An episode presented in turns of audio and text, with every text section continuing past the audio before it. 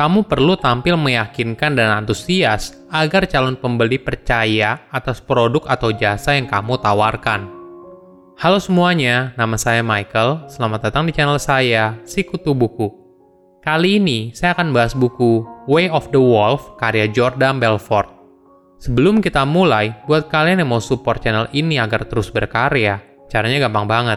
Kalian cukup klik subscribe dan nyalakan loncengnya Dukungan kalian membantu banget supaya kita bisa rutin posting dan bersama-sama belajar di channel ini. Buku ini membahas bagaimana cara menjadi ahli dalam hal membujuk dan mempengaruhi orang lain untuk membeli produk atau jasa yang kita tawarkan. Buat yang belum kenal Jordan, dia merupakan orang asli di balik kisah Wolf of the Wall Street yang diperankan oleh Leonardo DiCaprio. Pada tahun 1999, dia difonis bersalah atas kejahatan penipuan terkait manipulasi harga pasar saham. Namun, sekarang dia sudah bertobat dan menjadi pembicara motivasi dan penulis buku yang membagikan rahasia cara jualan yang sukses. Saya merangkumnya menjadi tiga hal penting dari buku ini. Pertama, cara menjual yang benar. Tenaga penjual yang sukses berbeda dengan kebanyakan tenaga penjual Tenaga penjual yang sukses paham kalau setiap penjualan itu unik, tapi elemen yang membuat mereka berhasil menjual selalu sama. Ada tiga kriteria yang disebut sebagai three tens atau tiga sepuluh yang mengukur seberapa yakin seseorang dengan menggunakan skala 1 hingga 10. Skala 10 pertama adalah keyakinan atas sebuah produk atau ide yang sedang dijual. Jika calon pembeli yakin atas manfaat dari produk atau ide yang sedang dijual, maka skornya adalah 10. Namun, jika mereka tidak menyukainya, maka skornya adalah 1. Kamu bisa memberikan skor 5 apabila mereka masih bimbang. Skala 10 kedua adalah seberapa percaya calon pembeli kepada kamu.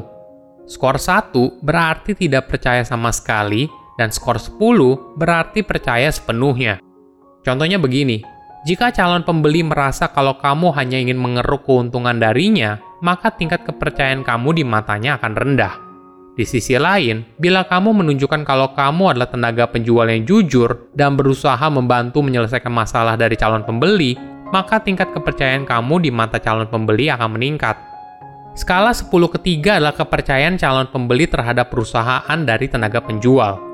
Reputasi karyawan sangat mempengaruhi seberapa besar kepercayaan calon pembeli atas produk yang ditawarkan dan kredibilitas tenaga penjualnya. Misalnya begini, jika kamu adalah bagian dari 100 perusahaan terbesar di Indonesia, maka calon pembeli akan berasumsi kalau produk yang kamu tawarkan punya kualitas yang tinggi. Karena tentu saja, perusahaan besar mampu merekrut karyawan yang berkualitas dan memiliki integritas yang tinggi. Di sisi lain, jika merek produk yang kamu jual berasal dari perusahaan yang kurang populer, maka calon pembeli mungkin merasa produk atau jasa yang kamu tawarkan kurang meyakinkan. Perlu dipahami kalau orang tidak membeli berdasarkan logika. Mereka membeli berdasarkan emosi, lalu membenarkan pilihan mereka dengan logika. Namun, dalam hal pembagian antara logika dan emosi, kamu harus fokus membangun argumen soal logika duluan, baru kemudian argumen soal emosi. Loh, kok begitu? Iya, karena kamu perlu melewati mesin pendeteksi kebohongan dari calon pembeli dulu sehingga kamu baru bebas mempengaruhi emosinya. Perlu diingat, sebelum mulai berjualan, kamu harus melakukan riset mendalam. Apakah calon pembeli benar-benar membutuhkan produk atau jasa yang kamu tawarkan atau tidak? Kamu baru bisa menjual dengan benar apabila calon pembeli kamu berisi orang yang benar-benar membutuhkan produk tersebut. Kedua, membuat calon pembeli yakin. Apa yang harus dilakukan ketika calon pembeli tidak percaya? Biasanya, ketika seorang tidak yakin atas produk atau jasa yang ditawarkan, mereka akan menggunakan taktik untuk menghindari komitmen. Mereka mungkin bilang akan berdiskusi dulu dengan pasangan mereka, atau ini bukan waktu yang tepat bagi mereka. Seorang tenaga penjual yang sukses tidak akan menyerah atas taktik calon pembeli dan berusaha menggiring percakapan sesuai dengan keinginanmu. Kamu bisa berusaha untuk mencari tahu apa kepercayaan mereka, Mungkin saja tipe calon pembeli kamu tipe orang yang tidak nyaman di telepon. Mereka lebih nyaman bila ketemu langsung. Atau tipe orang yang pada dasarnya tidak percaya dengan tenaga penjual. Cari tahu juga, pengalaman mereka sebelumnya dengan produk sejenis. Apakah mereka sudah pernah menggunakannya atau belum? Apakah pengalaman mereka baik atau buruk? Informasi ini sangat berguna untuk meningkatkan peluang kamu agar calon pembeli semakin yakin atas produk dan dirimu sendiri. Jangan biarkan calon pembeli yang menggiring pembicaraan, karena kalau sudah begitu, akan sangat sulit bagi kamu untuk menjual kepada mereka. Kamu perlu membuat calon pembeli mencapai batas keyakinan sebelum mereka memutuskan untuk membeli. Jordan menjelaskan konsep ini melalui straight line system batas keyakinan seseorang berada di antara spektrum yang rendah atau tinggi. Orang yang berada pada batas spektrum yang rendah dapat dengan mudah dipengaruhi untuk membeli produk atau jasa yang kamu jual.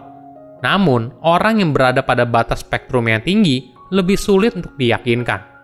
Mereka merupakan target yang sulit karena mereka lebih sulit dibujuk. Untuk mengurangi keraguan calon pembeli, kamu bisa menggunakan tips garansi uang kembali atau periode percobaan. Teknik ini sering kali ampuh untuk menurunkan keraguan calon pembeli dengan meningkatkan kenyamanan mereka atas produk atau jasa yang ditawarkan. Ketiga, 4 detik pertama yang krusial. Jordan menekankan tiga hal penting yang sangat mendukung keberhasilan kamu dalam berjualan. Pertama, kamu harus mampu memberikan informasi soal produk atau jasa yang kamu tawarkan dengan baik. Kedua, kamu harus antusias dalam menyampaikan produk atau jasa yang kamu tawarkan. Ketiga, kamu harus menunjukkan kalau kamu adalah seorang yang ahli. Tanpa rasa antusias dan penampilan kalau kamu adalah seorang yang ahli, calon pembeli tidak akan percaya atas apa yang kamu katakan. Ingat, empat detik pertama sangat penting dalam sebuah penjualan. Fokusnya bukan pada perkataan, tapi pada intonasi dan gaya bahasa pada empat detik pertama. Manusia pada dasarnya peka atas isyarat nonverbal yang menunjukkan kepercayaan diri atau ketakutan ketika berkomunikasi satu sama lain. Oleh karena itu, penting untuk menguasai keahlian komunikasi ini agar bisa menjadi tenaga penjual yang sukses. Ada tips yang menarik. Seorang tenaga penjual yang sukses menggunakan beragam teknik suara untuk menjaga minat dari calon pembeli. Mereka menggunakan volume, nada suara, dan kecepatan bicara.